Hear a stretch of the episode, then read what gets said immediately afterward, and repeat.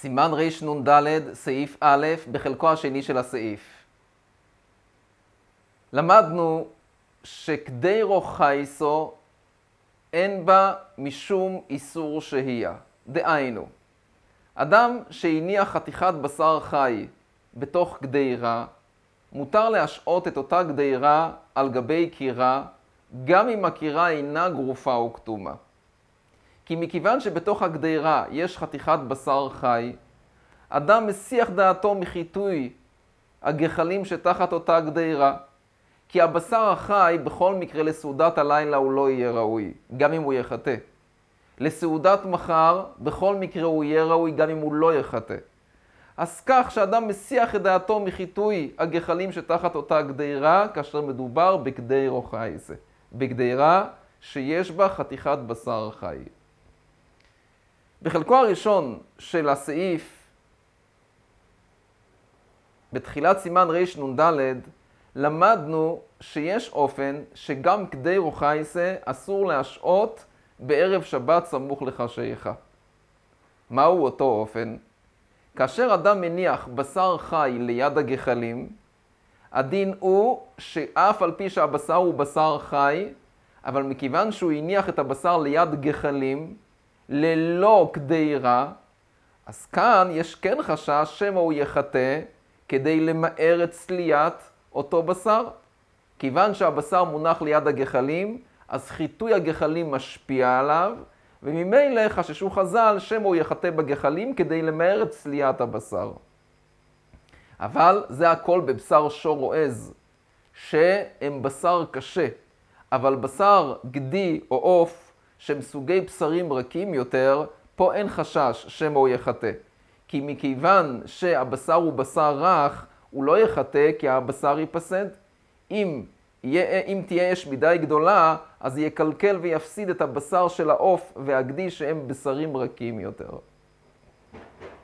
בכל זאת, גם באופן שמדובר בבשר שור או עז, כתוב בשולחון אורוך שאף על פי שבשר, שבשר שור ועז שהוא מונח ליד הגחלים, יש חשש שמא הוא יחטא בגחלים, ולכן אסור להשעות אותם בערב שבת סמוך לחשיכה, אם זה עדיין לא הספיק להיצלות.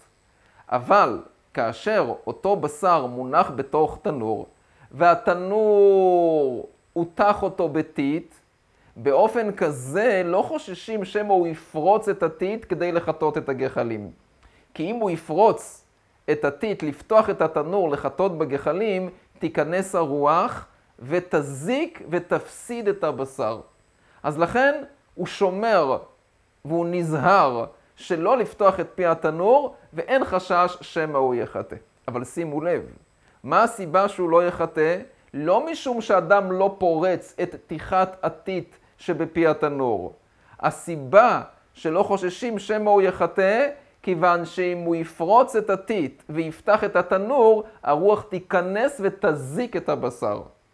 אז אם מדובר בבשר שמונח בתוך קדירה, לא כדי רוחאי זה. בשר שכבר התחיל קצת להתבשל, הוא הניח אותו בתוך גדירה, בתוך התנור, והותח את פי התנור בטיט, אין אתר להשעות אותו על גבי הגחלים, כיוון שכאן אין שום, אין שום סיבה שהוא לא יפרוץ את הטיט ויפתח את פי התנור, כי כאן גם אם תיכנס הרוח לתוך התנור, היא לא תזיק את הבשר, כי הבשר סתום ומונח בתוך הגדירה, אז פה יהיה אסור.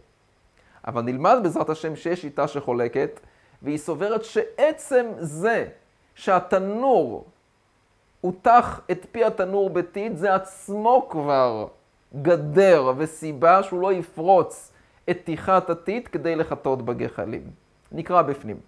ואם הוא בתנור ותח פיו בטיט, מדובר בבשר שור ועז, שאסור להניח אותו ליד הגחלים כי יש חשש שמא הוא יחטא בגחלים כדי למהר ולזרז את צליית השור או העז. בכל זאת, אם הוא הניח אותו בתנור והותח את פי התנור בטיט, מותר. ולמה?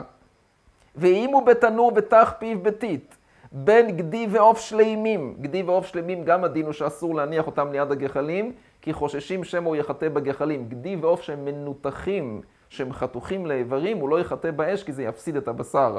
אבל כאשר הם שלמים, בגדי ועוף שלמים, אף על פי שהבשר הוא רך, מכיוון שהוא שלם, אז חוששים שמא הוא יחטא בגחלים. ואם הוא בתנור ותח פיו בטיט, בין גדי ועוף שלמים, בין בשר שור או עז, מותר. דלא חיישינן לחיטוי, כי אם הוא בא לפתוח את התנור ולחטאות, מה יקרה? תיכנס הרוח, יצטנן התנור, יתקשה הבשר וייפסד. אז לכן הוא לא יעשה את זה.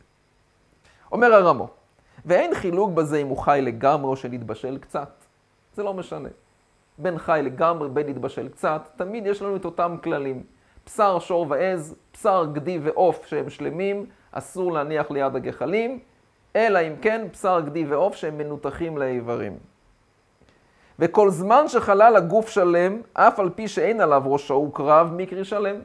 גדי ועוף שלמים, שמותר להניח אותם, שאסור להניח אותם ליד הגחלים, לא הכוונה שהם שלמים עם הראש, אפילו שהוא הסיר את הראש, אבל חלל הגוף שלם זה כבר נקרא שלם. ויש מחמירים, ויש מחמירים וסוברים דבתנור תוח ביתית אקויל שורי.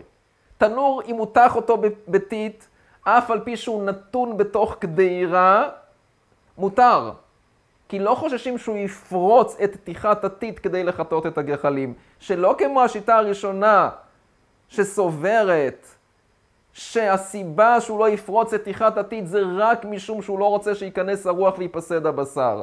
לפי שיטתם, עצם זה שיש תוח בטיט זה כבר סיבה שהוא לא יפרוץ את הטיט. ועל גבי האש שהוא מגולה הכל אסור. אם הוא על גבי האש ומגולה, דהיינו בלי תנור בכלל, אין שום מחיצה שחוצצת בינו לבין הבשר והגחלים, הכל אסור. מה הכל אסור? אפילו גדי ועוף רכים, הכל אסור. לכאורה זה הכוונה כאן. ובתנור שפיו מכוסה, אלא שאינו תוח ביתית, אז יש לחלק בין גדי ועוף לשאר בשר כדרך שנתבאר. ההבדל בין גדי ועוף לשאר בשר, זה כאשר הם מונחים בתנור, פי התנור מכוסה, אלא שהוא לא תוח ביתית. אז פה הדין הוא ככה, בשר שור ועז, אסור. בשר גדי ועוף שלמים, אסור. בשר גדי ועוף שהם חתוכים לחתיכות, אז הם מותרים, לא כאשר הם מונחים לגבי התנור והתנור מכוסה והתנור גלוי לגמרי, לא כאשר הם מונחים על גבי גחלים, בלי תנור, כאשר הם נמצאים בתוך תנור והתנור פיו מכוסה, אלא בלי תוח ביתית. אז הם מותרים, ובשר שור ועז, אז הם אסורים. אנחנו עוברים לסעיף הבא. בסעיף הבא נלמד בעזרת השם, שיש מצב נוסף. לא מצב של גדי רוחייסה, לא מצב שהוא הניח את הבשר ליד הגחלים, אלא מצב שהוא הניח את הבשר על הגחלים ממש. שפה זה חמור יותר. כי מכיוון שהוא הניח את הבשר על גבי הגחלים ממש, זה מראה שלא אכפת לו שהבשר יתחרך, ואז יש יותר חשש שמא הוא יחטא בגחלים כדי לזרז את הבישול. אין צולים בצל וביצה או בשר על גבי גחלים. אפילו בשר גדי, שבשר גדי מותר, כי חוששים, כי לא חוששים שמא הוא יחטא. הבשר של הגדי יישרף, אבל אם הוא הניח על גבי הגחלים, גם בשר גדי הדין הוא שאסור. אפילו בשר גדי, דכיוון שהניח על גבי גחלים אינו חושש, אלא שיצלם מהר, אף על פי שיתחרך. אילקא חיישינן שמא יחטא. אז מה העצה? שיצלה כמאכל בן דרוסוי, אז לא חוששים שמא הוא יבוא לחטות, אפילו בשר שור, שמאחר שהוא ראוי לאכילה, מאחר שהוא כבר נצלה כמאכל בן דרוסוי, למה יחטא? אז רק באופן הזה, אם זה על גבי הגחלים, רק באופן שזה יתבשל כמאכל בן דרוסוי, אז הדין הוא שזה מותר בכל סוגי הבשרים.